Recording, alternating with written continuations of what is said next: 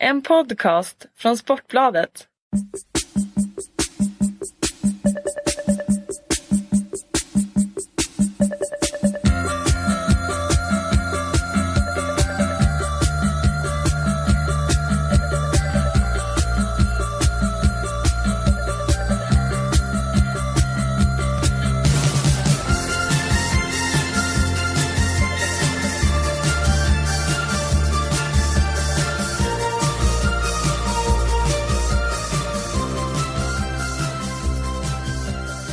Hej där och välkomna till 51% Fotboll, Sportbladets podd om Allsvenskan.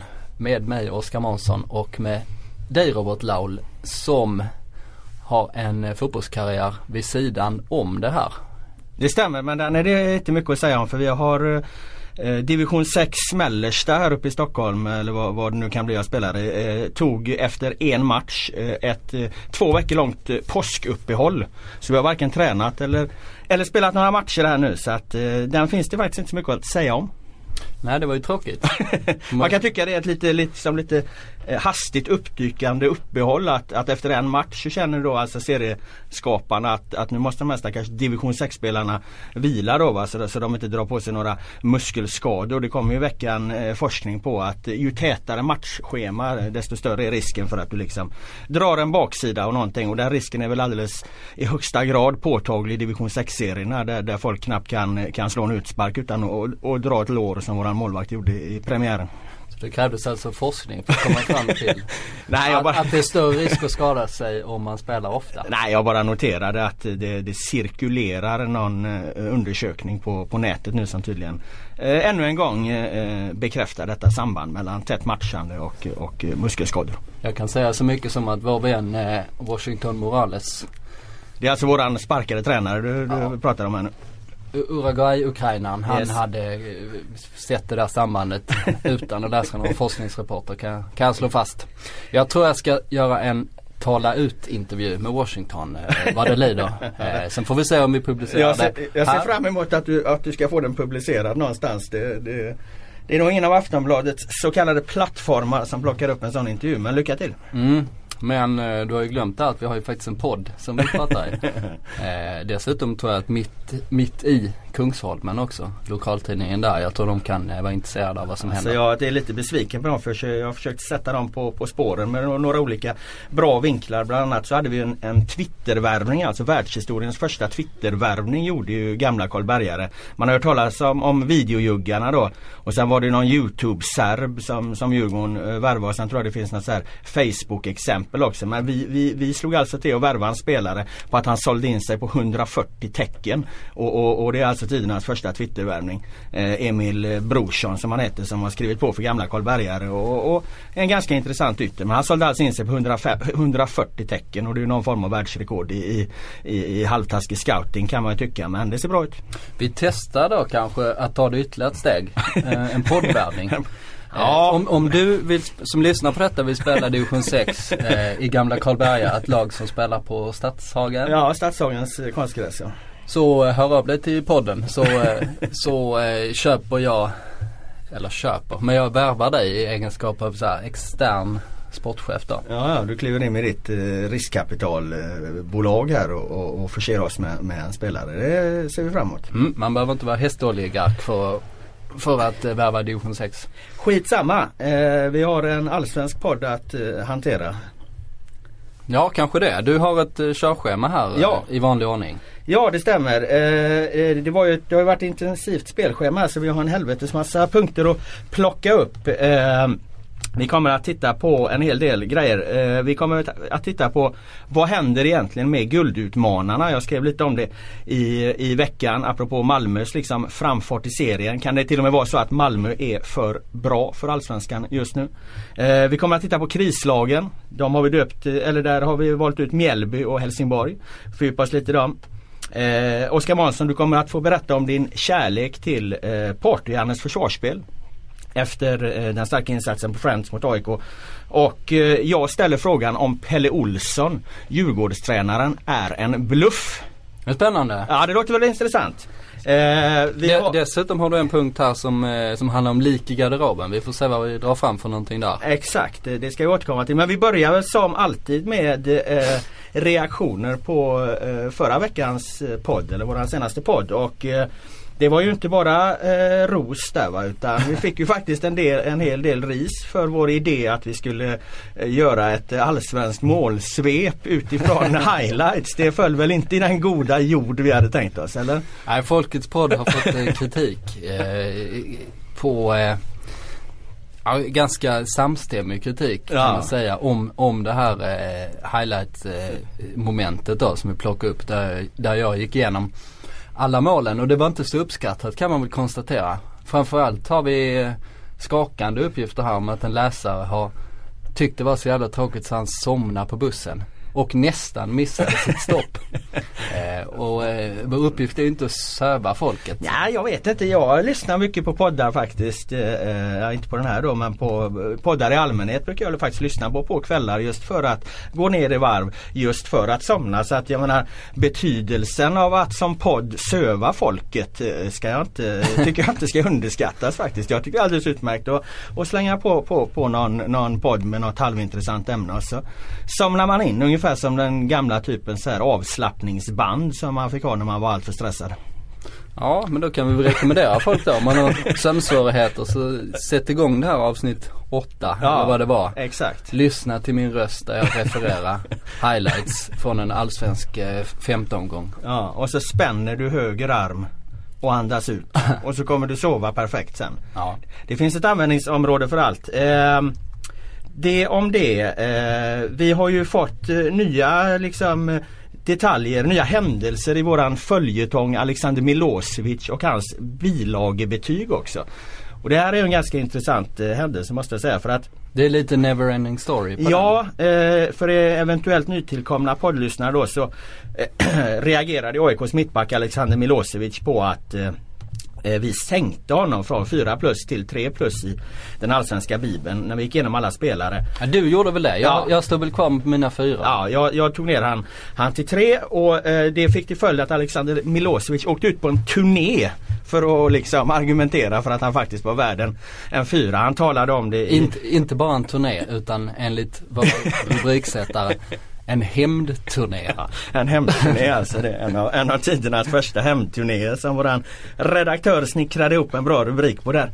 Uh, I alla fall, eh, han pratade om det i Radio Råsunda. Han pratade om det med dig när du var nere på Karlberg Oskar och, och, och, så här. Och, men det tog inte slut där va? För att om vi backar bandet till Stockholmsderbyt.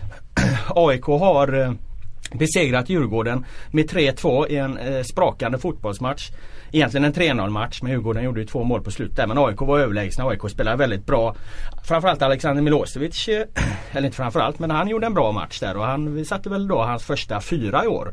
Han fick en fyra just efter den enskilda matchen. Och, ja, Tänkte väl inte så mycket mer på det förrän när vi står i den så kallade mixade zonen då där, där vi journalister intervjuar spelarna efteråt. Och, och jag knallar runt där och så ser jag liksom Milosevic i, i en bit bort, 10 meter bort, står och intervjuad av en journalist. Och så får Milosevic syn på mig. Då avbryter han abrupt intervjun, pekar på mig och, och liksom nästan ropar så här. Vad ska jag få nu då? Ska du ge mig två plus idag eller?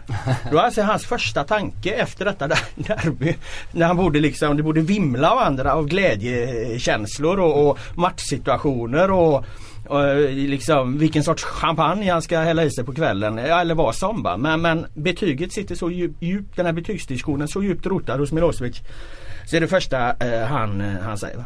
Ja, det är någonting med dig alltså som du, du räknar. Det är uppenbart. Ja, jag vet alltså det, det fick ju mig att tänka på eh, kanske det, det, liksom det mest uh, tydliga exemplet i, i, i, den genren då. då. Då backar vi bandet till 2004. Håll i den nu för det här är en bra historia. Ja. Uh, det är alltså Eh, Eh, vi är i Portugal. Sverige-Danmark. Doe-Doe matchen. Sverige har spelat 2-2 mot Danmark och gått vidare till kvartsfinal eh, i, i EM. De ska möta Holland. Eh, det har varit en fantastisk dramatik alltså. Tommy Söderberg, Lasse Lagerbäck har kanske stått för sin eh, bästa matchcoachinsats när de går över till 3-5-2 och får in chippen in med Mattias Jonsson och det är väl Mattias Jonsson som kvitterar till 2-2. Fantastisk match, den har allting alltså. Och efteråt i mixade zonen så kom, intervjuar vi spelarna och så kommer Tommy Söderberg. Han brukar ofta komma ganska sent eftersom han brukar ju så här, sopa omklädningsrummen efteråt och så. Han kommer ut där, får syn på mig och det brinner för honom. Han, han blir rasande.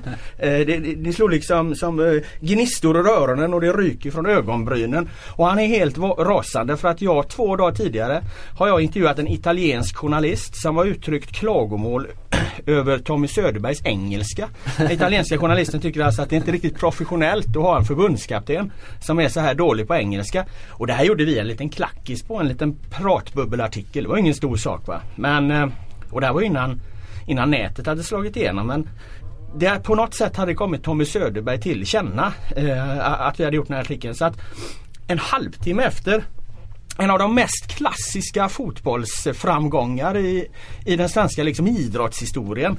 Då flyger Tommy Söderberg på mig och är helt rasande över att jag, jag har skrivit den här artikeln. Eh, Jag förstår inte hur, hur, hur man hur, hur, det kan finnas plats för detta i huvudet. Kan Vad du förklara detta sa för mig? Jag kommer inte ihåg exakt vad han sa men han var förbannad. Alltså, han tyckte det var, det var brist på respekt och, och vad har det med fotbollen att göra? Och för all del relevanta poänger om det inte vore för att det här var en liten klackis. Det var ingen stor sak. Det var ju bara en liten, en liten kul grej. Va? Men visst man kan ha synpunkt på det men hur kan man ha synpunkt på det efter doe doe? Förklara det för mig. Jo, det är så här. Det finns två förklaringar till det. Okej. Eh, nummer ett är att du väcker reaktioner. Eh, alla, alla som eh, har liksom följt den här branschen minns hur, hur Zlatan Ibrahimovic mitt i en utläggning av, avbröt sig. Och eh, när du dök upp liksom på rad tre i, i den här mixade zonen. Han bara fy fan vad ful du är Laul. Ja. Eh, Det var när jag hade skägg. det var när du hade skägg. Ja. Så det är nå- någonting som får dig liksom att folk eh, eh, zoomar ut. Alltså Den- Den andra förklaringen då. Det är att Tommy Söderberg zoomar ut. Det går väldigt snabbt för honom där. Det finns ett, eh, eller finns ett klipp men bilderna efter Sverige har eh, kvalat in till eh, VM 2002. Eh, när Sverige vände då mot Turkiet på bortaplan. Först Henke Larsson nickade in det. 1-1 i 89 och, och eh, Andreas Andersson eh, gjorde 2-1 på övertid. När Tommy Söderberg då liksom får eh, glädjespel så eh, liksom står han vid bänken där och håller på och jublar då efter, efter den här sensationella vändningen. Då är det ju någon som ka- kastar någonting mot Tommy. Ja. Han var ett Eh, mynt eller något på Ja, sig. något li- jag tror inte ens det träffar men han, han blir så jävla förbannad så han liksom på, på en sekund så zoomar han ut och han ska ha tag på den jäveln som har kastat den liksom. eh, De, de bilderna där. Så där har vi förklaringen. Om du Ja. lägger ihop då ett och ett där så. Men det, det, det kan jag med köpa. Du får ett eh, mynt på dig och du blir förbannad över det även om det är i, i euforins stund. Eh, Du ser någon med ett eh, jävligt fult skägg liksom. Alltså det, jag har mer, mer eh, förståelse för att man reagerar på det sättet i de situationerna. Men eh, jag vet inte. Jag tolkar snarare det här mer som att de de faktiskt eh, lyssnar lite eh, för mycket på vad vi skriver och kanske egentligen borde se det här ur ett eh, större perspektiv. Att eh, på något sätt så håller vi igång intresset för, för deras idrott och så. Själv hade jag hade någon bevakat eh, eh, journalistiken eh, så, så där ingående då hade man väl fått se det som någon liksom slags eh, eh, Ja att, att vi intresserar och berör så här. Så att eh, ja, jag tror att, att man ska försöka som aktiv eh, fundera lite mindre på vad, vad, vad tidningarna skriver och, och lite mer på sina prestationer om vi får skicka med ett lärdomsord på vägen. Om man tar, eh, fortsätter där lite på reaktionerna då. Ja. Eh, så har vi inte bara ris utan vi har fått eh, lite ros också faktiskt. Eh, har bland annat eh, eh, Bland annat har vi en, eh, en lyssnare i Florida som sitter och lyssnar på oss till matcherna till Tampa Bay Lightnings i NHL. Jag kan se på, på, på detta och lyssna på oss samtidigt alltså. Han, nej han är på väg dit. Ja, på han, väg dit. han Ja, ja, men- tar bilen dit. Ja, Einar heter han. Han mej- mejlade om det. Men jag såg det. Det var lite roligt att kolla statistik på vad folk lyssnar och sånt. Och Folkets podd eh, går ju bra faktiskt. Till, vi, eller vi, åtminstone om vi jämför med oss själva. För vi har slått all time high, varje gång. Just det. Vi har passerat drömgränsen på 20 000 lyssnare. Ja, på ett avsnitt bara Ja. också. Men eh, Det är vi glada för. Ja det är roligt. Men eh, det är lite så det funkar i vår bransch å andra sidan. Att man, eh, man, måste, man måste överträffa sig eh, eh, själv hela tiden i kvällstidningsbranschen. Vi, Ja. hade, vi hade någon föreläsare någon gång som, eh, vad heter han då? Putte Eriksson heter han va? Och gamla Ja, ja hockeyspelaren. hockey, hockeyledaren. Han, eh, han sa att folket som jobbar på kvällstidningarna är prestationsneurotiker sa han. Mm. Eh, vilket betyder att man alltid eh, tittar, alltid tittar framåt och man är, ald- man är aldrig bättre än sin senaste match så att säga. Så vi måste ju fortsätta med den här trenden, det är ju klart. Jag väljer Hur, också lä- hur länge vi än håller på. Ja, jag väljer också att tolka eh, våra fina siffror som ett eh, eh, tecken på att allsvenskan är, är ganska het och, och berör ganska mycket just nu. Eh, och det är naturligtvis positivt. Det är ju därför vi håller på med det här. Och varför då inte kasta oss rakt in eh, eh, på just allsvenskan lite mer konkret. Eh, vi hade ju för några avsnitt sedan en eh, en så kallad eh, lik i garderoben eh, belysning där vi tittade på vilka spelare har vi genom åren utnämnt till eh, supertalang? Alltså där vi har satt eh, prefixet super före talang. Och eh, eh, vi hade inte så många exempel. Vi hade några, jag hade bland annat eh, eh, kallat den gamle Landskrona-anfallaren som jag just Kevin Amoneka. Ja, till och med tappat bort namnet på. Kevin Amoneka, det var ett svagt ögonblick kallat för supertalang. Och, och, och du hade väl något? eh, Ja det är ju någon- Ga- Gabriel. Gabriel Någon liten eh, Ja. reservation men jag, Ja. jag fälldes på den punkten. Ja. Däremot noterar jag att vår eh, konkurrenttidning Expressen har utnämnt Tibor Josa till Oj. supertalang en Ja. gång. Eh, han är tillbaks i Allsvenskan nu. Ja, ja, För övrigt efter en väldigt krokig väg. Han är högerback eh, i eh, Falkenberg emellanåt. Men han, han är supertalang där. Men vi vill väl någonstans sätta fingret på att eh, ordet supertalang an, används lite eh, lättvindigt. Det här var ju ett intressant grepp eh, och nu tänkte vi att det finns fler uttryck i Allsvenskan som, som man kanske slarvar lite med ibland. Ett väldigt vanligt sådant är ju årets mål. Att utse eh, att när man ser ett snyggt mål på plats och snabbt skriver ner sin text så är man helt övertygad om att detta är, kommer att bli årets mål när alla mål eh, eh sammanställs då i, i fotbollsskalan på hösten. Det finns ett väldigt tydligt exempel på hur det kan låta. Det här är alltså efter eh, Elfsborgs seger mot Häcken här för några eh, veckor sedan och Johan Larssons eh, skott i krysset. Eh, då skriver, då skriver TT det som skriver så här. Drömmål, krysset, årets mål.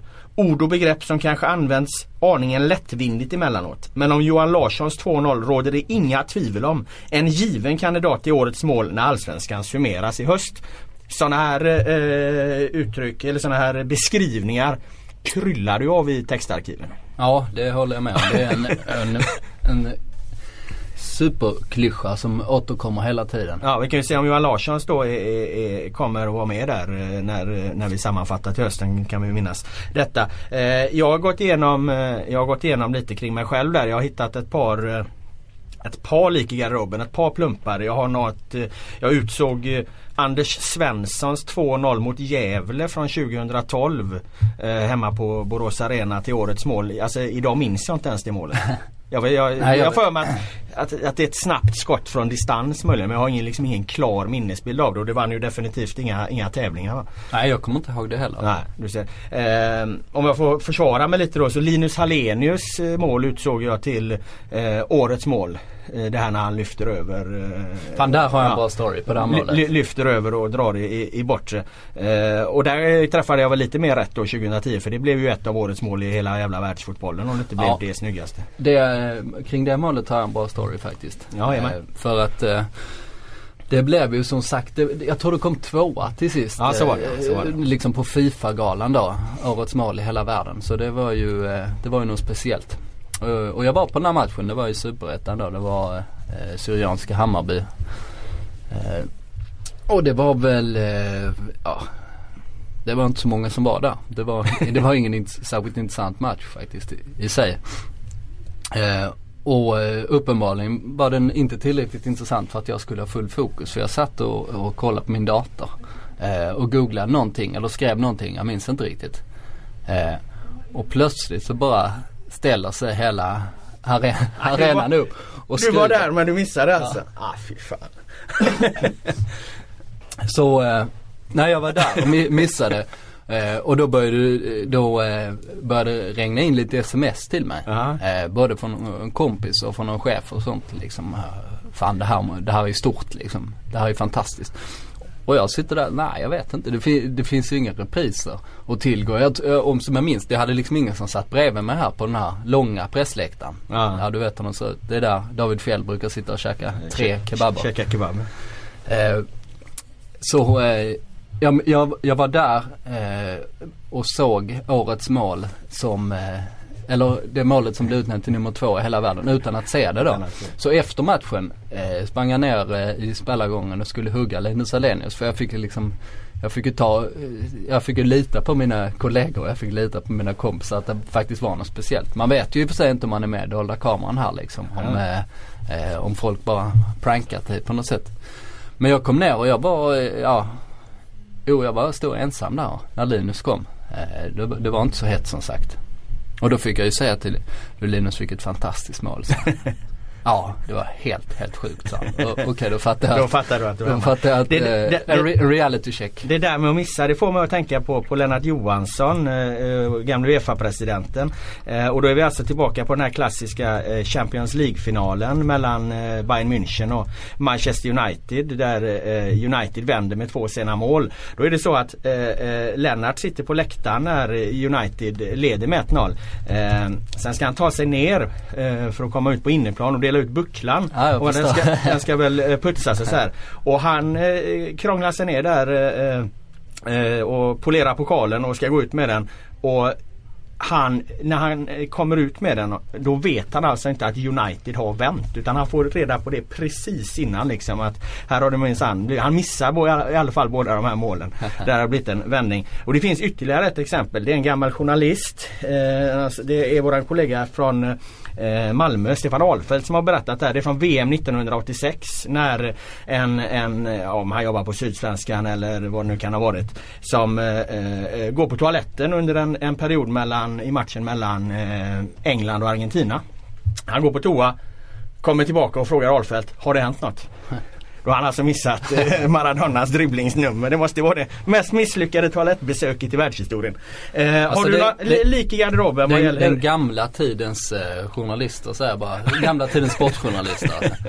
Var, eh, alla sådana anekdoter man har ha, handlar ju på något sätt om att slött. Om att folk har missat, om folk har ja. gått på toa eller eh, varit ute och supit och missat något liksom. Ja, jag vet inte om det stämmer. Våra redaktör vinkar där med febrilt. Ja, jag måste, bara, jag måste flika in att jag, på, på, precis det här temat så satt jag 2007 och gjorde någon sorts highlights-klipp egna från Superettan då för BK Häcken som jag jobbade för. Eh, från pressläktaren. Det fanns inga eluttag där jag satt. Så jag var tvungen att gå på kamerans batteri. Så jag kunde inte filma hela matchen. Så jag fick liksom så slå på kameran när det började vankas anfall för att få med de här målen. Det var Häcken mot Sirius. Matchen slutade 8-0 tror jag. Jag fick med ett mål. Så när alla kom då och ville ha alla highlights och alla de här målen och lägga ut på YouTube, då hade jag ett på kamera. Ja, vad tur att det inte var på den tiden som Oskar Månsson gjorde highlight-svep. För då hade du fått problem att sätta plus. Nej, du... fast som godnattsaga hade det funkat ja, ännu bättre då. Men har du några lik i garderoben vad gäller årets mål? Har du, nu har jag ju blottlagt mig här inför 20 000 poddlyssnare med att jag dömde ut, eller eh, utsåg ett Anders Svensson-mål som jag två år senare inte ens kommer ihåg till årets mål. Mm, mer än 20 000 lyssnare. Vi måste ju ja, sätta rekord varje gång. Det är förvärts Immer, rückwärts nimmer som de säger, eller sa i Tyskland för länge sedan. Alltid framåt, aldrig bakåt. Ja. Hade du några lik i garderoben? Jag har eh, frågat dig fyra gånger. Eller ska vi släppa den här punkten? Nej men jag, jag snabbgooglade ju Linus Hallenius mål då. För då ja. tänkte jag okej okay, här skulle jag väl skrivit årets mål. Men jag har faktiskt inte nämnt det Nej det tog jag i bloggen istället. Det bara sagt. var ett helt... Eh... Ja det är ju ett misstag åt andra hållet. Ja ett fullständigt fenomenalt mål ska Vi har ju tillsammans redan utsett ett årets mål här eh, insåg du. Eh, för att du, vi har ju såhär dubbel-byliner emellanåt va? Så att, du satte du, dit Jag satte dit årets mål på Eero Markkanens eh, vänsterprojektil till eh, mot eh, Djurgården och AIK-anfallaren. Men det handlade ju egentligen det var inte årets mål utan det var mer tanken att det var årets mål på Tele2 Arena. Det var ju lite så här rättligt skrivet att en AIK-are eh, har gjort årets mål på Tele2 Arena. Vi får väl se om någon djurgårdare blir taggad och, och försöker överträffa detta Eero Markkanen mål. Men där kommer du med på ett hörn. Ja, nej men det, det kan väl vara det kan väl vara en rimlig formulering. Det kommer inte vara årets mål i vart fall när vi summerar. Nej, inte absolut så, så utomordentligt fenomenalt var det inte. Nej jag vet, alltså jag är väl dålig på att söka arkiven här men jag har inte satt i, lyckats sätta dit mig själv eh, så mycket. Jag skrev det om, eh, eh, om Alexander Milosevic eh, 2012. Han sköt ju in en boll från typ nästan från mittplan. Mm. Typ från 45 minuter, 40, 45 meter när de mötte Sundsvall på Råsunda. Eh, och där, jag hade inte formuleringen själv men jag frågade liksom alla om årets mål om det var det och det Mm. tyckte alla liksom så då var jag inne på det. Eh, och i slutändan så blev det inte det för att, av, eller jo det blev Jo. årets mål. Nej det blev inte årets mål. Det var ju Zlatans eh, volley mot... Eh, ja fast det räknar de väl till 2013? nej men Zlatans volley mot Frankrike var eh, 2012. Ja de tog Zlatan där Ja, också. så Zlatan har vunnit det där eh, två år i rad. För övrigt då efter den matchen Milosevic hade gjort det då, då eh, plockade jag med honom ut på Råsundas gräs igen. Ja minns det, jag var där. Och så peggade vi upp bollen på samma ställe och sen så ställde jag mig i målet då. Och tanken var att ta en bild bakifrån då. Från mitt, man skulle liksom få Milosevic perspektiv så man skulle liksom få någon blick av, av hur eh, sjukt det var. Och då sprang jag hela vägen och ställde mig i eh, målet då och liksom sträckte ut armarna. Eh, för, att, för att man skulle liksom få någon bild av att det så ännu svårare ut. Och, den tidningsettan blir ju ganska häftig faktiskt då. I och med att vi drog stort på den här bilden. Däremot borde inte jag stått i målet för jag ser ut som någon slags fågelskrämma som står där bara. Det hade varit bättre att köra utan målvakt. Men, eh, men eh, man kan inte göra allt perfekt. Så kan det vara. Eh, Annars, annars som sagt det så, eh, det, var, det var inte så farligt. Eh, men jag reserverar mig för att eh, jag kan ha sökt lite dåligt i arkiven. Däremot noterar jag att vår kollega Johan Flink, supertalangen, har precis bloggat om årets mål Jaha, men det är handboll då eller? i handboll. Ja.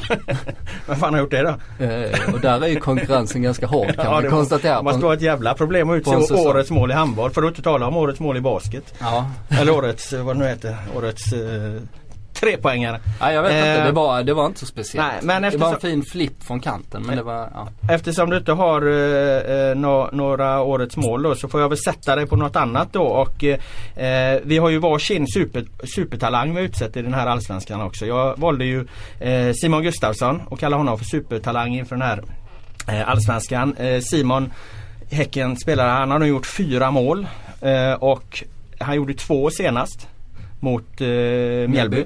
Eh, och får två plus i tidningen. Det tycker jag att de har satt eh, perspektivet ganska bra. Alltså då, har man, då har man krav på en supertalang. Han hänger in två mål i en allsvensk match. Grabben är precis 19 fyllda. Ja vad är man för betyg? Nej men det är två plus. Vi, vi kan förvänta oss mer. Vi kan kräva mer av en supertalang. Hur går det för din supertalang? Det var väl AIKs Niklas Eliasson? Som har gjort fyra mål, han har fått fyra plus. det hade varit enklare att göra Ja ja herregud. Eh, Men hur går det för Eliasson? Ja, eh, ja just det. Jag, jag chansade ju där. Jag, var, jag fick feeling för ett avsnitt sen. Eh, nej det går inte så bra. Han har, han har inte gjort någonting eh, egentligen i Allsvenskan. Eh, so far. Men om man pratar om talangbegreppet så får man väl ha lite mer perspektiv. Ja. Men eh, Simon Gustafsson eh, Eh, har ju 5-0 än så länge i den, i den matchen. Som jag förhoppningsvis ska kunna träffa här nu i veckan och eh, göra en intervju med i den här talangserien jag håller på med. Ska vi släppa målen och eh, gå vidare och ta lite större grepp kring vad som händer i Allsvenskan här, här och nu.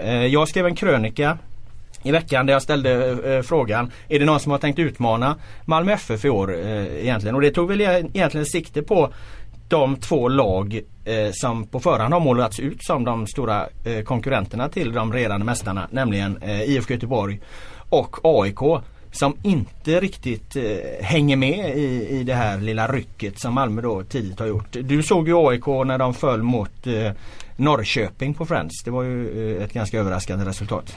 Mm, om vi, ja, det finns mycket att säga om AIK just nu. Ja, Ska vi köra det på en gång kanske? ja kör på. De vann ju derbyt som vi var inne på med eh, 3-2 men de körde över Djurgården där eh, och vann hur lätt som helst. Eh, och eh, Edo Markkanen gjorde ett, in, inte årets mål men ett väldigt snyggt mål. Eh, Årets mål på Tele2 Arena. gjorde han och eh, när jag åkte ut eh, till Karlberg dagen efter så kändes det självklart, eller ett par dagar efter så kändes det självklart att man skulle göra den här eh, Edo Markan intervjun. Vilket jag gjorde. Eh, Och eh, den ju rätt kul med tanke på att han är näst kortast i sin familj. Han är en centimeter från att vara längst i Allsvenskan. Men han är näst kortast i sin egen familj. Han är alltså 1,97 och då, då hans eh, familjemedlemmar de, de ligger och, och, och, och runt eh, två meters strecket alltså. Ja, mam mamma är 1,75. Så hon, hon var ju klart kortast då. Eh, sen eh, hans pappa som heter Pekka, är gammal basketspelare. Rätt framgångsrik. Han är 2,07. Och hans eh, me mellanbrorsan som är 21 till 2 meter och eh, lillebrorsan som heter Lauri, eh, 16 år. 207 också. Vet du vad man skulle kunna säga om... om Basketspelare han också Ja men du, vet du vad man skulle kunna säga om de, eh, om de eh, längderna? Man skulle kunna säga att det finns en tydlighet i de yttermåtten. Alltså när vi googlade e- Eero Markkanen efter derbysuccén så hittade vi ett gammalt uttalande i samband med att han värvades från AIKs sportchef Björn Westström som istället för att säga att eh, killen är nästan två meter lång, killen är väldigt lång, eh, killen är 1,97 så säger han att, eh, att det finns en tydlighet i det yttermåttet. Och där känner jag någonstans att här går ju så här eh, det här sättet som vissa personer försöker prata om fotboll. Där slår ju den mätaren i taket. Ja, det är en Va- varför uttrycker man sig så? fenomenal, eh, Va- formulering. Va, varför uttrycker man sig så? Det finns en tydlighet i det yttermåttet istället för att säga snubben är jävligt lång. Men det var väl till och med i ett pressmeddelande också. Ja det kan det ha varit. Så att eh, det var ju det var liksom eh, eh, plan planerat att formulera sig på Ja det är ungefär på det som, som det, börs, olika börsuttryck som används inom affärsjournalistiken som är fullständigt obegripliga när man inte talar om att en eh, flaska är en flaska. Men det är Eh, lite Tony Gustafssons eh, eller post Tony Gustafsson. Just det, som alltid kom in och pratade om verkningsgrader med olika aktioner. Och, och ställa frågor till backlinjen och, och, och vad det var. Till och med Pelle Olsson pratade ju om att eh, man ska involvera forwards tidigt och, och så vidare. Ja, det där språket eh, smittar av sig ibland och, och syns i, i texter. Om våra lyssnare har några eh, exempel så kan vi fördjupa oss i, i den typen av, av märkliga tränarklyschor med tiden här ifall vi får lite eh, fler exempel. Den typen av yttermått. Exakt. Eh, vi släpper i marken än. AIK där är jag nyfiken på. Vad, som sagt, utmanarna, vad händer? Ja eh, och sen efter där då. Efter allt det här. Efter, efter festen så kom baksmällan och det var eh, 1-2 hemma mot eh, Norrköping då. En, eh, en rättvis Norrköping-seger också. Eh, och AIK spelar eh, påf- påfallande passivt och, och märkligt och eh, när, när de gör det eh, så kan det låta på ett väldigt speciellt sätt på läktarna. Och jag har ett exempel på det.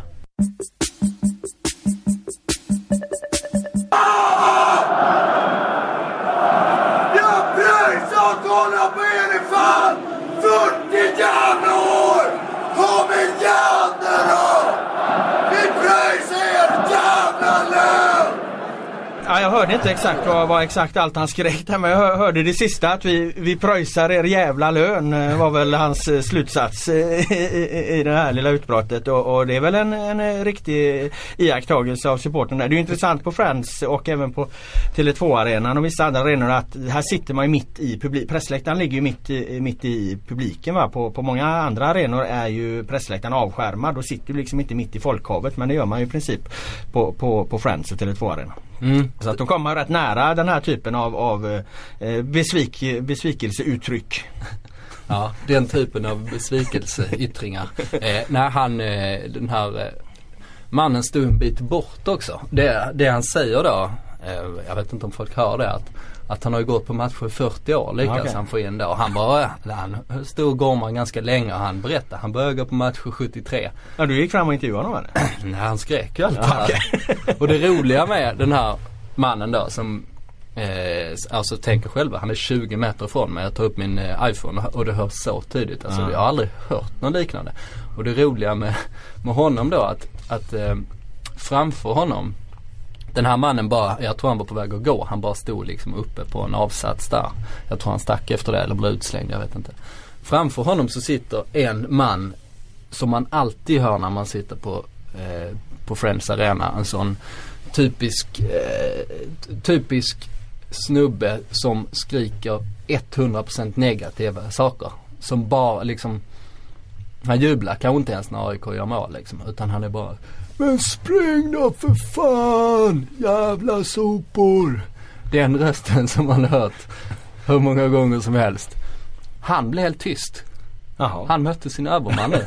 Så när jag vände mig om, jag trodde ju det var den här mannen men han satt han såg helt paralyserad ut när den här mästarnas mästare kom in eh, på arenan och skrek. Han, eh, han klev fram här nu alltså. Det är ju det är, det är imponerande. Eh, Dessvärre blev han ju utslängd så jag vet inte om han blev portad då från, eh, för att han skrek eller? från, nä- nästa match. Blev han utslängd för att han skrek eller? Ja jag tror det. Det är klart att om det där var 20 meter bort det, det, det kanske inte är, är om man sitter bredvid så kan det ju kanske vara lite jobbigt. Men Det eh, var, det var det värsta utbrottet jag har eh, varit med om. På alla, och då har jag ändå suttit på en del fotbollsläktare genom åren faktiskt. Han var, eh, eh, det är klart att det, när AIK som ju var favorittippade eh, går så knackigt och, och, och svängigt som de gör så, så eh, finns det ju en stor besvikelse. Men eh, det diskuteras ju även mer, eh, vad ska man säga, mer handfasta åtgärder. Eh, man hör ju det är ju ingen stor opinion mot att eh, AIK ska byta tränare. Men man, vi befinner oss någonstans i den fas då det börjar att bubblas om det. Ja, och Ska, ska, är det tränarbyte som ska, ska rädda AIK liksom? mm, eh, nej jag tycker inte de ska eh, byta tränare. Jag tycker eh, Andreas Alm har gjort eh, mycket rätt då. De har ett långsiktigt tänk som ändå har eh, betalat av sig ganska bra över de här säsong, senaste säsongerna. De är väl tvåa, fyra, tvåa Mm. och har kvalat in till Europa-ligor. Eh, och så. Däremot har de inte vunnit Allsvenskan. Men han gör ju, Och sen- själv, märkliga de- ut, han gör ju själv märkliga uttalanden där om, eh, som kom under påsken där att eh, Norling kommer en dag eh, träna AIK. Det läste jag först in som att, eh, att nu vill han, eh, nu har han inte fått förl- förlängt kontrakt eller nu, nu, nu, nu någon sån grej va att eh, AIK vill inte förlänga med honom. Nej, eh, eh, jag tog upp det där. Jag läste, eh, läste inlägget och så frågade Andreas då när jag var ute på deras träningsanläggning. Då visade det sig att den här intervjun eh, var gjord inför säsongen på upptaktsträffen. Eh, det var Fotboll Direkt som publicerade den. Och eh, de nämnde väl det i texten men jag tyckte det var lite märklig Märklig timing ändå att man, ibland håller man ju på grejer och vår bransch om man har liksom om man har mycket material och man liksom vill lägga ut en, någon intressant intervju en speciell dag när det är tomt. Men nu kändes det lite konstigt att göra det i och med att det var inför säsongen han sagt så. Däremot står han ju fast vid det, eh, visade sig. Och jag frågade varför han valde att ta upp det och då, och, och då resonerade han kring det och sa att att Rickard har en lång karriär och han har en tydlig AIK-identitet och han kommer ändå komma tillbaka. Så för mig så har eh, det finns inte så många tränare i AIK som har varit här så länge som jag har varit. Den senaste var Roffe Zetterlund. Eh, sa han där. Eh, så det var ju lite märkligt. Samtidigt så sa han ju att han, eh, att han eh, skulle fortsätta eh, och så vidare. Han var väldigt spänd på framtiden och sånt. Men, eh, men eh, det är ju ändå intressant att det kommer upp. Ja. Och nu då. Det är ju en annan gammal AIK-legendar som har blivit, eller som kommer bli ledig här också. För Johan Mjällby har ju, har ju sagt upp sig från, eh, eller ska ju sluta i, i, i Celtic då. Ja, Eh, eh, han ligger ju nära AIK eh, historiskt och är ju en, eh, måste man ju säga, ett av de mest spännande liksom, namnen eh, på den svenska tränarhimlen med tanke på all erfarenhet han har hämtat eh, in från utlandet. Dels som spelare men, men också bakom eh, Neil Lennon i Celtic där. Ja, eh, det är ju intressant att lägga pussel om inte annat. Och jag förstår om spekulationerna är igång hej vilt. Eh, Ja det ska de ju vara. Norling eh, går ju dessutom dåligt i Norge. Nu vann de ju för sig. Jag följer den norska ligan intensivt. IK Start vann igen för övrigt nu. Mhm. Bra, bra inledning för, bra start för start. Eh, men Brann vann nu i helgen. De vann mot eh, Lilleström med 2-0. Men det var första segern för säsongen. Rickard Norling har varit rätt eh, sågad i Norge. Han blev utdömd som en clown bland annat när han Mm. hade i, i sin vana trogen tippat att sitt lag skulle vinna eh, ligan. Eh, Men Brann har börjat illa. Och sen så Mjällby då liksom. Det är nog många som spek- spekulerar då. Nej, in med Norling och Mjällby ihop. Så blir det bra. Så och det är ja, som sagt roligt att spekulera. Ja men det är där vi Men, står. men, men jag, och jag vet att Rickard Norling var och besökte eh, Karlberg eh, för eh, ett par veckor sedan också. Eh, det berättade Andreas Alm. Det var väl mest för att prata med sina gamla polare. Men, men kopplingen finns där. Hans familj bor i Stockholm också. Eh, han har ju fru och barn då. Som ja, pendlar då kanske till Norge eller, eller han pendlar fram och tillbaks. Jag, jag vet inte exakt hur det funkar men, det, men eh, man förstår att spekulationerna är igång.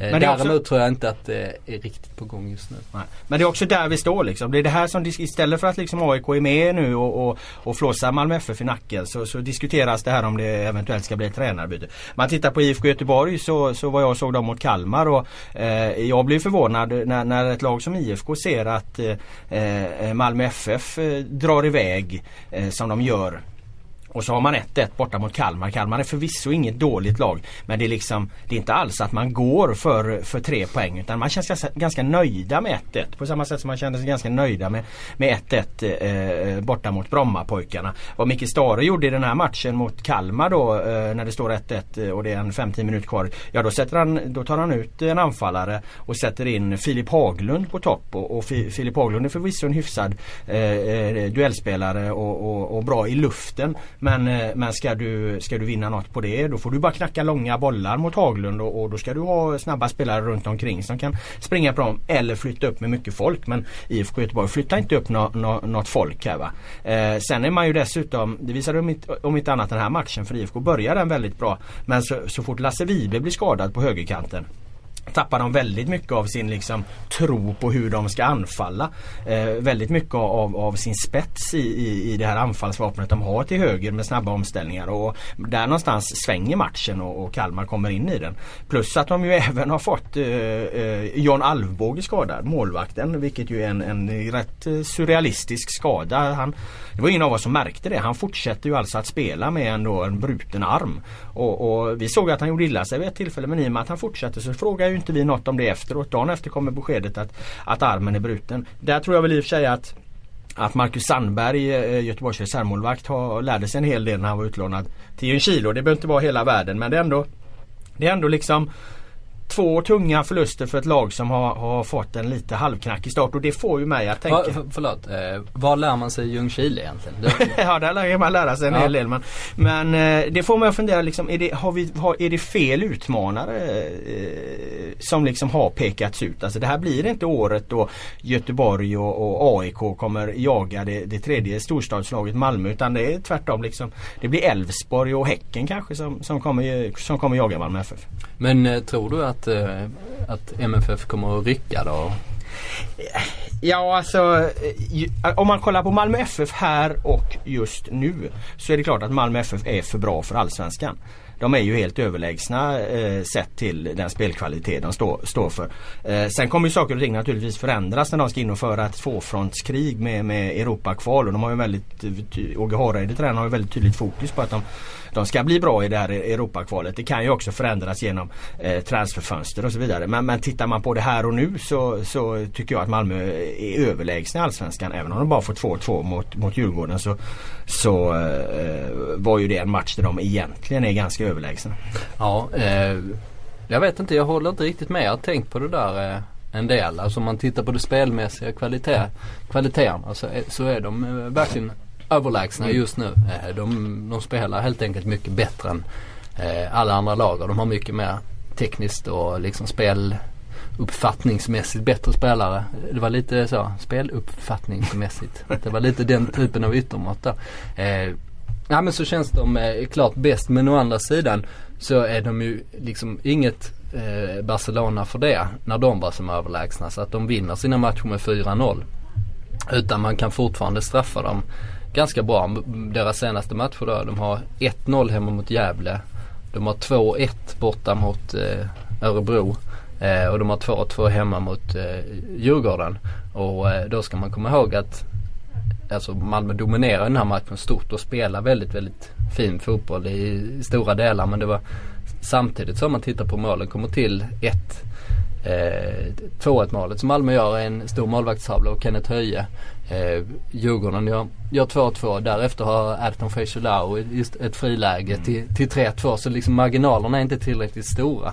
Eh, även om de spelar eh, bättre liksom rent eh, fotbollsmässigt om man ser liksom till eh, det kreativa spelet. Men, du, men, du, kan for, men du kan fortfarande straffa dem eh, och hota dem genom att eh, sätta en, eh, ett eh, klassiskt eh, ett klassiskt Pelle Olsson lag på banan. Jag kan hålla med dig där men jag skulle vilja uttrycka det i så fall som att Malmö Malmös största motståndare är, är Malmö själva liksom. För att vad de framförallt gör fel i den här matchen mot Djurgården det är ju att de, de, har ju, de är ju inte särskilt eh, konsekventa i sitt försvarsspel. Eh, Djurgården gör en, en snygg omställning förvisso men det är en väldigt enkel omställning också. Det, det är en, en backlinje som Ja, är helt, oerhört enkelt mål ja, faktiskt. ja, den är helt i oordning där och, och Marcus Rosenberg är ju nere och försöker ställa offside och så vidare. Och, och i kvitteringen så, så ger ju eh, Pontus Jansson bort bollen utanför ett eget straffområde för han, han tycker att det är för fult att rensa. Och, och eh, sen den här situationen du nämner Merton där han kunde lobbat in, in 3-2. Det är också ett, ett, ett bristande positionsspel. Och det var väl Ja, Pontus- Jansson igen Pontus? Jansson gav ju bort Ja, friläget. eh, så att det är klart att men det här är ju, det här är ju saker som de no- normalt ska kunna ha, hantera. Det är grundläggande saker i, i, i det egna försvarsspelet. Så jag menar väl mer att den stora motståndaren till Malmö FF i årets allsvenska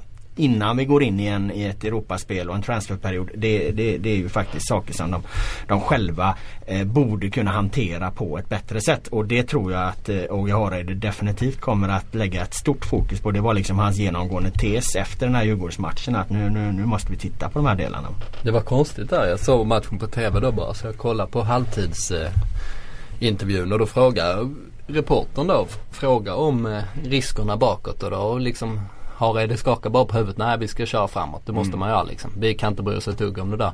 Var liksom andemeningen med det. Sen vet man ju inte hur, hur mycket en sån eh, intervju Nej. betyder. Men, men man, jag studsade till när jag såg det faktiskt. För att eh, eh, man hade ju sett de här tendenserna att Djurgården, eh, de kan ju kontra. De, ju, de har ju skickliga spelare på det.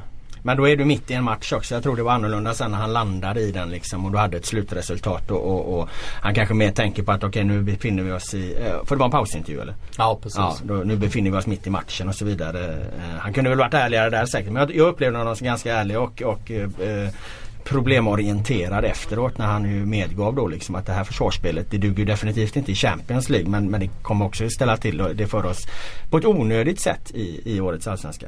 Eh, Elfsborg vann ju mot eh, Falkenberg då. Ja, Eh, den matchen kollade jag också på.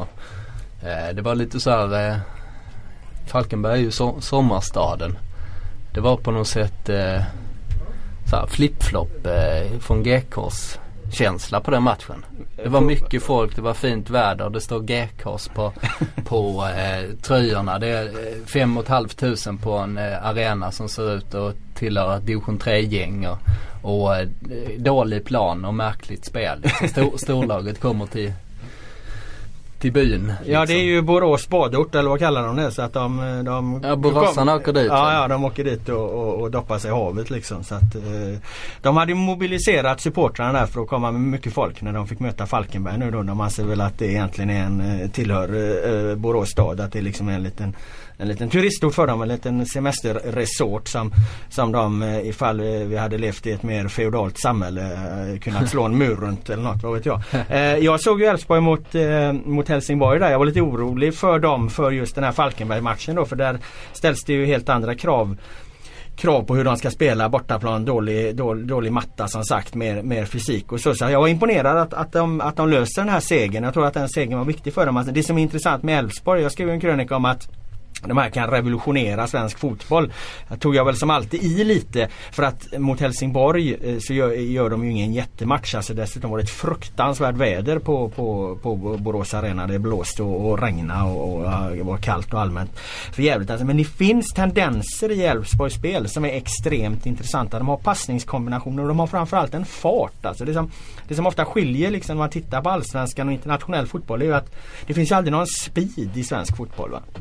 Eh, men, men Elfsborg är ju det laget som mest konsekvent, åtminstone när de är på, på ett konstgräs eller på sin hemmaplan, försöker att utnyttja de snabba spelarna man har i laget. Och de har ju väldigt, väldigt många alltså. Målet de gör mot Helsingborg är ett perfekt exempel på det. En om, omställning från ena vänsterbacken, eller från vänsterback Hult, inlägg och så kommer höger, högerback Johan Larsson och, och gör mål på inlägget alltså. Att, att kunna få med sina få, få med sina ytterbackar på det sättet. Det, det, det är ju fantastiskt. Sen har de löpare på alla andra, på många andra positioner också. Viktor Claesson, en av dina gamla eh, supertalangsutnämningar är ju faktiskt på väg att få det där genombrottet. Jag, jag var oerhört imponerad eh, av han mot Helsingborg. Kanske inte att han fick ut så fruktansvärt mycket alltså, men nu, han, nu börjar han verkligen visa varför vi har kallat honom det en gång. Även, även i Elfsborg. Fast vi hade, vi i hade inte kallat honom det också. Nej, jag hade inte det. Nej vi hade inte det. Däremot var det en rubrik Ja, eh, på det.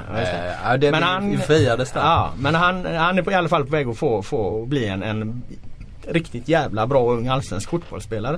Du har Marcus Rodén som löper ännu mer. Frå, Eh, frå. Frågan är bara om de eh, behärskar tempot själva. Det är lite, Nej. lite det som är frågan. Ibland går det så fort så de själva inte hänger med. Men den dag de gör det då kommer de spela en fotboll som, som eh, många kommer att försöka ta efter tror jag. Mm, om de kommer dit. Utöver det då så, så är ju Häcken eh, får man väl någonstans säga med där uppe också. Och eh, eh, vi kan fördjupa oss i dem vid ett annat tillfälle. Men det är intressant att se att det är eh, eh, Malmö, Elfsborg, Häcken är några av lagen som ligger där uppe som verkligen liksom försöker spela en egen fotboll som inte eh, lever på eh, andras misstag utan någonstans försöker liksom utveckla sina fotbollsidéer på ett intressant sätt. Det är ganska positivt för Allsvenskan men det finns väl anledning att fördjupa sig i det lite senare om, om det blir en trend som håller i sig. Nu tänkte jag att vi vänder fokus totalt liksom. Här har vi ta- talat om de, eh, några av de lagen som går väldigt bra men det finns ju också lag som har stora eh, problem. Alltså jag vet inte, är Mjällby det tydligaste? Är det det första krislaget i årets Allsvenska? Jag tänker Mjällby, Helsingborg någonstans. Det brukar ju vara så faktiskt. Att vissa lag går bra och vissa lag har problem. Absolut. Det brukar bli så av någon anledning. Men är det Mjällby och Helsingborg som är de stora krislagen? Ja så är det. De möts ju också nu i, eh, i helgen. Eh, Helsingborg mö- möter Mjällby på hemmaplan. Eh, jo så är det definitivt Mjällby som jag förutspådde ett haveri på i fjol. Ja just det. Men En i, liten eftersläpning på den eh, profetian. Ja fast jag ska inte bara säga att jag hade rätt för jag hade nog dubbelt fel också. För att i år trodde jag att det skulle gå rätt bra för dem. Ja. Eh, att de skulle klara sig kvar åtminstone med, med lite marginal.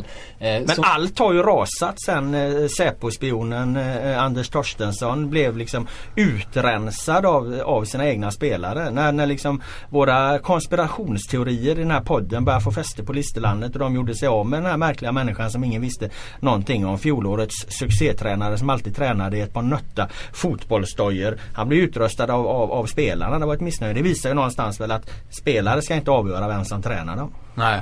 Och eh, har man en spion så ska man behålla en spion. Ja då ska man vara jävligt glad att man har en spion vid rodret för att han vet ju, vet ju förmodligen mer, mer eh, om det mesta än de flesta. Eh, men Mjällby har ju inte ba- bara problem liksom i tabellen och med, med spelet och så vidare. Det, det stormar ju runt föreningen på, på, på lite alla möjliga sätt. Mm, eh, nu i veckan ringde eh, Gebenga Adokoyo, mittbacken som vi har hyllat några gånger här. Eh, han ringde upp till Sportbladet faktiskt. Han ringde själv till redaktionen. Och pratade med en kollega här och sen så eh, sa han att eller han bad om att få tala med en fotbollsreporter så jag, jag ringde upp honom då några timmar senare.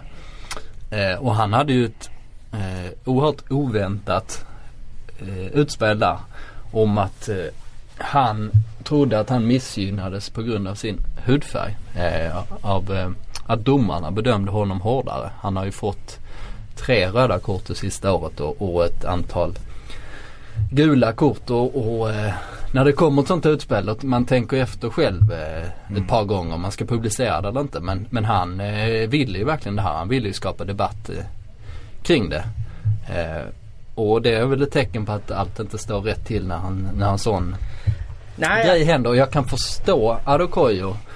Eh, att han är frustrerad och att han undrar vad som händer egentligen. För han har ju blivit hårt bedömd. Han har haft rätt mycket oflyt. Framförallt i de avgörande situationerna där. Om det, du vet om det ska vara rött kort eller inte.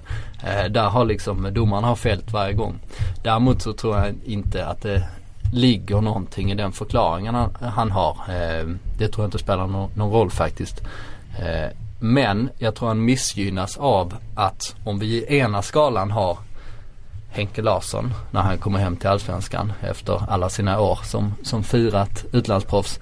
Eh, kommer undan med lite vad som helst Eh, Det var ju många som var förbannade på det. Henke är ju rätt ful på planen höll på. Det var inte bara Mm. Ja, ja, han nyper ju folk i pungen och allt möjligt liksom så att eh, boxade Står folk på tårna och eller istället trampar folk på tårna. boxade Jon Jönsson i magen Ja, också ibland, ja. och kom undan med det på något Ja. märkligt sätt. Men om Henke är ena skalan där liksom med sitt kontrollerade kroppsspråk på något sätt, ögonkärnan. Så är väl eh, eh, vår vän Gebenga i andra änden på något sätt. Att han är en extremt fysisk spelare. Men också lite så fladdrig i sin spelstil liksom. Men man förstår inte riktigt. Han kommer lite fel men kompenserar det i efterhand och sånt på något sätt. Och därför kanske han blir hårdare bedömd än andra då. Plu- Plus att han då haft lite oflyt i de här enskilda situationerna. Men det var ju, eh, det var ju kanske punkt ett då på att det skulle stå illa till. Men någonstans är det olyckligt om eh, Arokoyo känner så här. Jag vet inte. Eh, man, man får ju ta det liksom respektera att han, han, han upplever det så här och, och, och känner så här. Jag vet inte om det hänger liksom ihop med, med andra saker i, i samhället. Eh, eh, om man känner sig liksom diskriminerad på andra sätt eller någonting. Det, det, det är en intressant diskussion som man måste ha respekt för liksom. Men, men Eh, ytterligheten av hans resonemang om man skulle liksom driva den det är ju att det springer runt eh, massa liksom übernazidomare här och, och visar ut eh, eh, människor som kommer från Afrika eventuellt. Och, och, eh, jag tror att det blir ju svårt att, leda i mål liksom att eh, den svenska domarkåren, SD då, att de liksom på något vis är Ja, någon form av nazister va. Det, det, det kan ju bli svårt. Ja. Däremot kan man ju tycka Du säger att SD är inte nazister. Nej, den svenska domarkåren. Det blir, Jag har inte, jag har det inte blir en rolig parallelldiskussion. Ja, Vil, men- vilken värld vi egentligen eh, lever i. Ja men det hade ju varit intressant om, eh, om den store Mjällby-supporten eh, Jimmy Åkesson hade liksom engagerat sig i den här frågan och, och, och tagit strid för eh, Arokoyo. Det hade, det hade varit ett intressant liksom inlägg i debatten. Då hade ju Jimmy Åkesson kunnat göra lite nytta också. Men då måste ju Jimmy Åkesson engagera sig mot SD.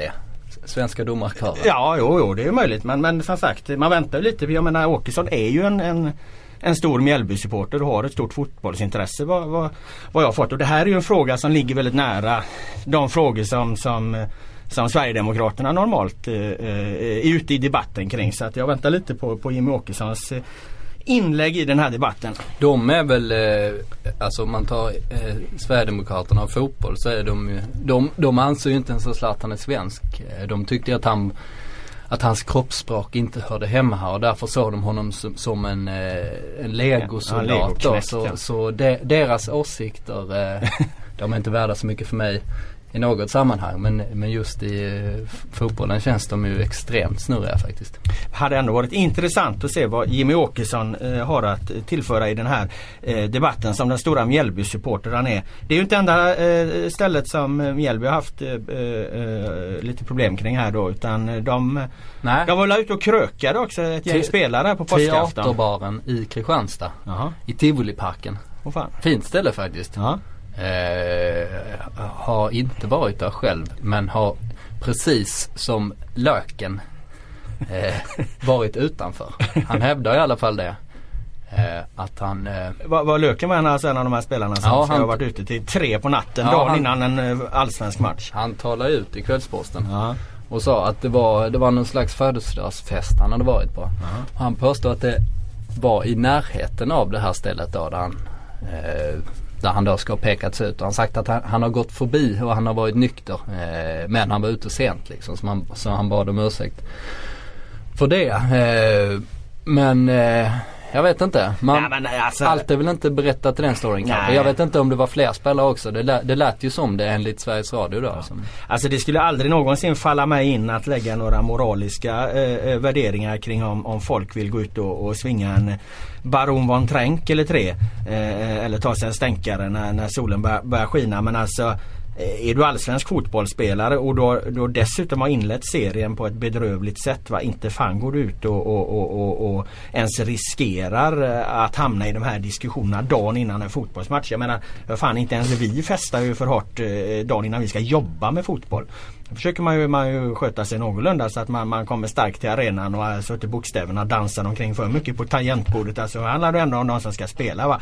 Eh, jag tycker att... nu, nu bara för det kommer jag att tänka på när vi, du och jag var i Swansea för några år sedan. Ja, jo, jo. Då hade vi på sig en kväll innan matchen. Ja, jag, jag säger inte att det aldrig har hänt men jag säger att man ändå har den inställningen. Va? Eh, karaokebar Jag tycker att det här är någonting som Mjällby ska ta på, på allvar och försöka gå till botten med. Eh, Här tycker jag att det kan vara aktuellt att tala om löneavdrag. Här tycker jag att, eh, att eh, supportrar ska få tillbaka pengar och så vidare. De betalar ändå för att deras spelare ska vara professionella. Så att, Mm. intressant diskussion. Och, och oavsett vad som har hänt så har ju, eh, har ju Löfqvist medgett att han var ute väldigt sent Ja. på natten. Det är ju inte heller riktigt Och, det är, li- lämpligt. och, och bara det då, vilket är minimum vad som har hänt i den här historien. Det kanske uppdagas mer eh, efterhand är ju absolut inte okej eh, i, i dagen innan en match.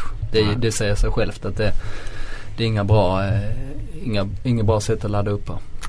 Eh, andra krislaget då om vi... Och de förlorar ju med 4-1 då hemma ja, mot, eh, mot Häcken. mot häcken. Ja. Får, man, får man ju notera. Och, och de där målen de släppte in det var ot- alltså otroligt taffligt försvarsspel. Det var eh, bland det sämsta man sett i, i Allsvenskan faktiskt. Ja, och då, ja, det stärker ytterligare misstankarna om att alla liksom inte skötte sin, sin uppladdning på, på rätt sätt. Eh, krislag två då får vi väl säga är, är, är Helsingborg som eh, ju förlorade senast mot eh, Halmstad med eh, 2-1. Eh, innan det förlorat mot, eh, eh mot Elfsborg med 1-0. Och, och eh, har det allmänt tungt. Och min reflektion när jag såg dem mot Elfsborg, jag såg inte den här Halmstad-matchen, men när jag ser dem mot Elfsborg det är ju att Alltså jag, jag vet inte riktigt. Jag tror inte att det här är ett lag som kommer vara med i några, några toppstrider och så eh, eh, i år. Eh, och min spaning utifrån är att, att Helsingborg, när, när så här tongivande tunga namn som Mattias Lindström, Kristoffer Andersson, eh, Adrian Gashi som liksom har starka och tydliga och, och roller i, i truppen. När, de, när det börjar halta lite för dem spelmässigt då kan ju ett lag få lite problem. Frågan är om, om, om Roar Hansen liksom om han ska om man snabbt ska helt enkelt liksom tänka om här. Eh, ge upp säsongen kanske är ett konstigt uttryck men alltså är det dags för HIF att börja bygga om från grunden? Det finns ju unga, unga duktiga spelare här. Eh, att satsa mer, mer för dem att titta mer på, på, på lång sikt. Eh, jag får känslan av att det, det, den är inte riktigt harmoniskt där i laget med, med hur det fungerar. Nej, jag har inte sett eh, de, de, ingen av de två senaste matcherna. Eh, mer än eh, highlights så det ska vi inte referera för då somnar eh, lyssnarna. Eh, däremot i höstas, eller i höstas och vintras framförallt. Eh, om ni minns den här eh, storyn när eh, Rashid Bouassan Ja försvann Höstas och eh, gick till rasande angrepp mot, eh, mot klubben och allting och, och eh, det skrev vi mycket om.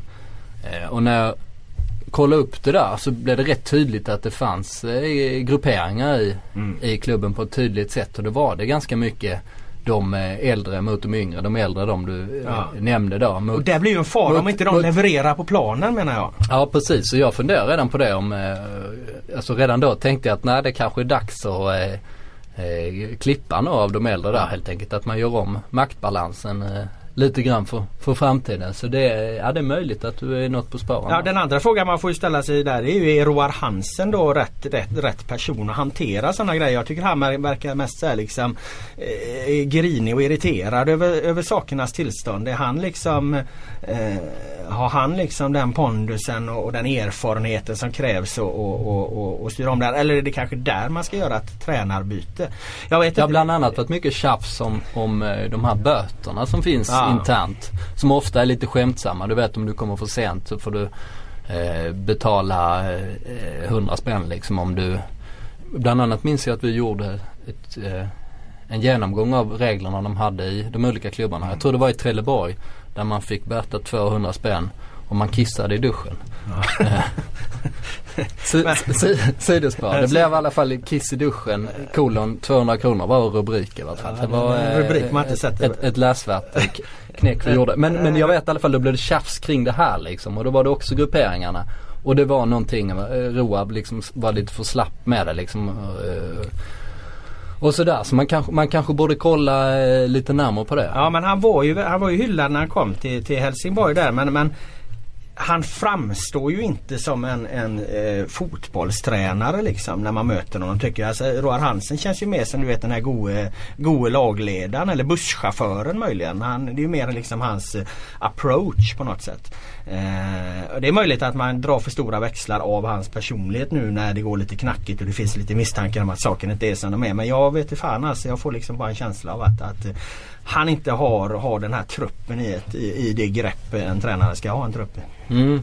Det är i alla fall eh, nej, det är lite småkris i Helsingborg redan kan man ju konstatera då.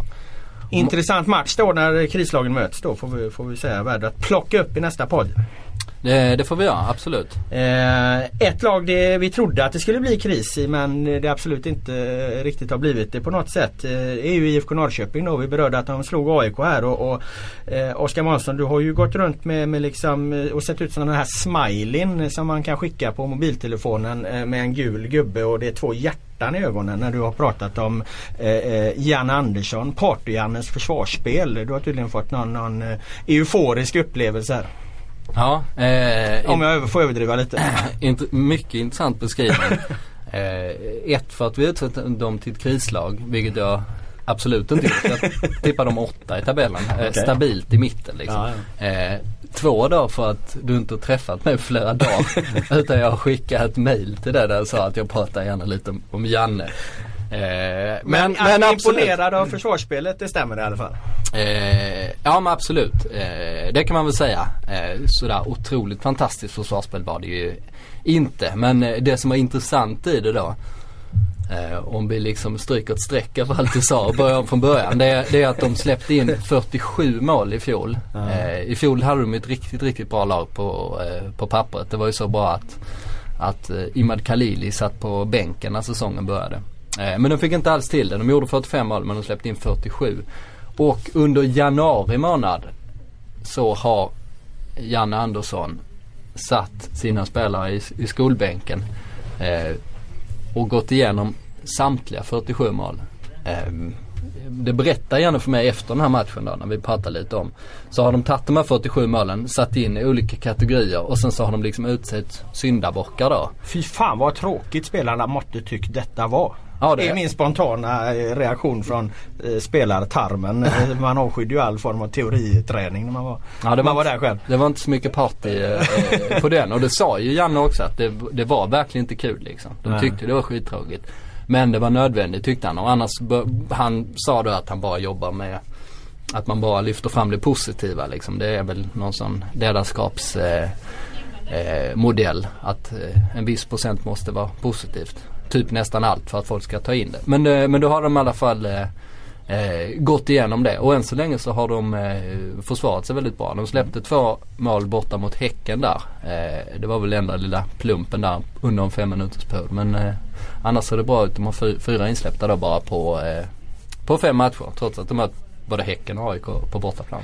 Det är intressant. Eh, eh, Jan Andersson kan ju kanske bli stilbildande med sin eh, eh, teoriutbildning då. Han har ju fått ett nytt utbrott i veckan också. Det, det är ju fantastiskt roligt. Den här gången vart han ju förbannad på, på att det all, menar på att det alltid blir tre minuters tilläggstid. Så han tycker att den här liksom ljusskylten då eh, eh som, som fjärdedomaren visar upp, är skitsamma. Ta in en, en, en gammal eh, en träplanka med en trea på istället. För att det blir ändå bara tre minuters till, eh, tilläggstid. Hur många spelavbrott det än är. Och det där är ju ohyggligt roligt för att han har ju fått utbrott på just ljustavlan tidigare. Jag minns ju någon... Nu är jag en smiley med, med hjärtan till ögonen. Jag minns jag någon- älskar Jan Ja, men jag minns ju när jag var där för några år sedan eh, när jag kollade Norrköping. Då var han ju förbannad liksom på att det tog för lång tid innan fjärdedomaren hade skrivit in spelarnas eh, tröjnummer på ljustavlan. Han, han menar på att det var, var obegripligt. Hur kan det dröja 40 sekunder innan de var klara med skylten? Eh, menar han på. Nu läser jag till från en, en, en artikel eh, om det här och det är ju fascinerande med honom att han blir så oerhört arg för allting. Nu har han alltså haft,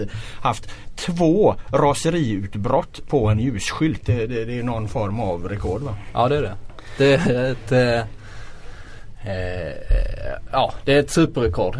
Inget annat. Det, det, finns, nu, det finns ju Det finns nog ingen som kommer få ett utbrott på en ljusskylt ens och han har två redan. Tänk om Pelle Olsson kunde visa sådana känslor. Det är min radioövergång här då till våran sista punkt på det här programmet. För att eh, eh, jag ställde ju frågan inledningsvis. Är Pelle Olsson en bluff? vad, vad tänkte du när jag sa det egentligen? Nej jag har bara läst eh, programpunkten så jag lutar mig tillbaks nu. Nej men, men eh, du var ju på derbyt också. Eh, eh, ingen kan ju påstå att, eh, att Djurgårdens försvarsspel fungerade särskilt bra mot AIK. Det var, ga- ma- alla var ju ganska överens om att varför liksom släpper de inte lite på sina raka linjer och kliver upp eh, på Celso Borges lite hårdare och styr bort honom ur spelet. Det var ingen förändring som ens Pelle hade funderat över i paus. Jag frågade honom rakt ut på presskonferensen. Vad sa du i paus? Ville du förändra något taktiskt? Nej, vi ville göra alla vanliga saker lite bättre. Efter presskonferensen mot Malmö där de förvisso har gjort ett bra resultat, 2-2 Djurgården. Eh, eh, där sitter Pelle Olsson och säger att han är nöjd med det kollektiva försvarsspelet och, och då kan man ju titta i statistiken. Det visar sig att, att Djurgården, eller Malmö har haft 12 avslut i Djurgårdens straffområde. 12 avslut i Djurgårdens straffområde och Pelle Olsson är nöjd med försvarsspelet. Då frågar jag dig igen mot den här bakgrunden. Är Pelle Olsson egentligen en bluff? Ja det är jag som ska svara på frågorna. Ja, det är jag som ställer den. Eh, ja med tanke på att, Nej, han, det- med tanke på att han har hållit kvar Gävle i Allsvenskan i, sedan 2004 eh, med eh, omöjliga odds i, i stort sett varje säsong så tycker jag inte han är en bluff. Du tycker det är lite hårt att ställa de här liksom eh, nio åren mot eh, två matcher alltså? Ja, lite så men, eh, men intressant ändå. eh, Just det tänkte jag också på med Celso Borges där. Att stänga honom i uppspelen. Det är ju precis vad alla AIKs motståndare har gjort Ja. i de andra matcherna. Fått väldigt god utdelning på det. Däremot eh, eh, så där hade ju Djurgården hade ett riktigt dåligt kollektivt försvarsspel då eh, i derbyt.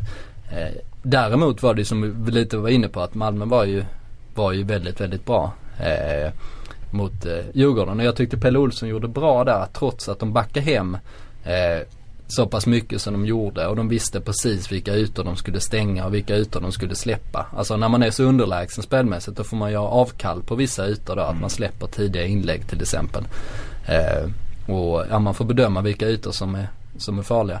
Det han gjorde bra där tyckte jag var att han behöll två forwards. Att han behöll både Erton och Jabo för då trycker man ändå tillbaks motståndarna på något sätt. Att då kan inte Malmö gå på. Plus att man eh, Eh, att man då blir ett kontringshot väldigt tydligt. Eh, så det tyckte jag han gjorde bra. Oftast, oftast går man ner på ett slags 4-4-1-1 när man spelar den typen av försvar. Att ena forwardsen droppar för att eh, stänga tidiga uppspel men att man även behåller det när man anfaller. Så, så det tyckte jag han eh, gjorde bra. Vi låter frågan om Pelle Olsson är en bluff hänga i luften. Eh, med andra ord, det är kanske ett eh, lite för litet underlag att det finns lite tveksamheter ändå efter två matcher här eh, där man kunnat ha synpunkter på försvarsspelet. Jag blev ju framförallt så väldigt förvånad över hur han kunde vara nöjd med att de har släppt till 12 avslut i eget straffområde. Eh, vi kommer att sätta eh, luppen på detta närmast då när, när eh, Djurgården möter eh, Brommapojkarna här till helgen. Med det så tror jag att vi håller på att bli utkastade från den här studion eh, Oskar Månsson. Eh, Superettan hinner vi inte med den här gången. Eh, både Hammarby som du specialbevakar och Sirius har ju dessutom fått stryk så att eh, eh det är kanske ändå ingen av deras supportrar eh, som är särskilt intresserade av att eh, eh, lyssna på det. Nej, vi kan bara snabbt då på Hammarby så är det ju eh, deras stora syndabock som ställde till det för igen. Matt Pydstrowski. Eh, mycket oklart på uttalet nu. Eh, Ängelholms amerikanska målvakt i Petr Cech-hjälm eh, stängde, gjorde en supermatch på nytt på Tele2 Arena. De spelade ju 0-0 i cupen här, var helt omöjlig. Och nu gjorde han samma sak igen och lillebror El Kabir kontra in eh, 2-1 för eh, Ängelholm. Så, Finns det en lillebror El Kabir i Sverige också? Alltså? Ja det borde du Ja, notera. det har jag för eh, fan inte en aning om alltså. Vad, det, det, det, var- ja, det var intressant. Ottman Eh, El Kabir. vad sa du? Ottman eh, tror han heter. El Är, Kabir. är han lika eh, skruvad höll jag på att säga men är han lika eh, eh, vild i tanken? Fri, är han lika fri i tanken? Han, eh, han får gärna höra av sig, även han, till den här podden. Ja annars lär väl hans eh, storebror göra det. Eh, vi tackar alla som har lyssnat. Eh, 51% fotboll eh, är väl tillbaka eh, nästa vecka igen.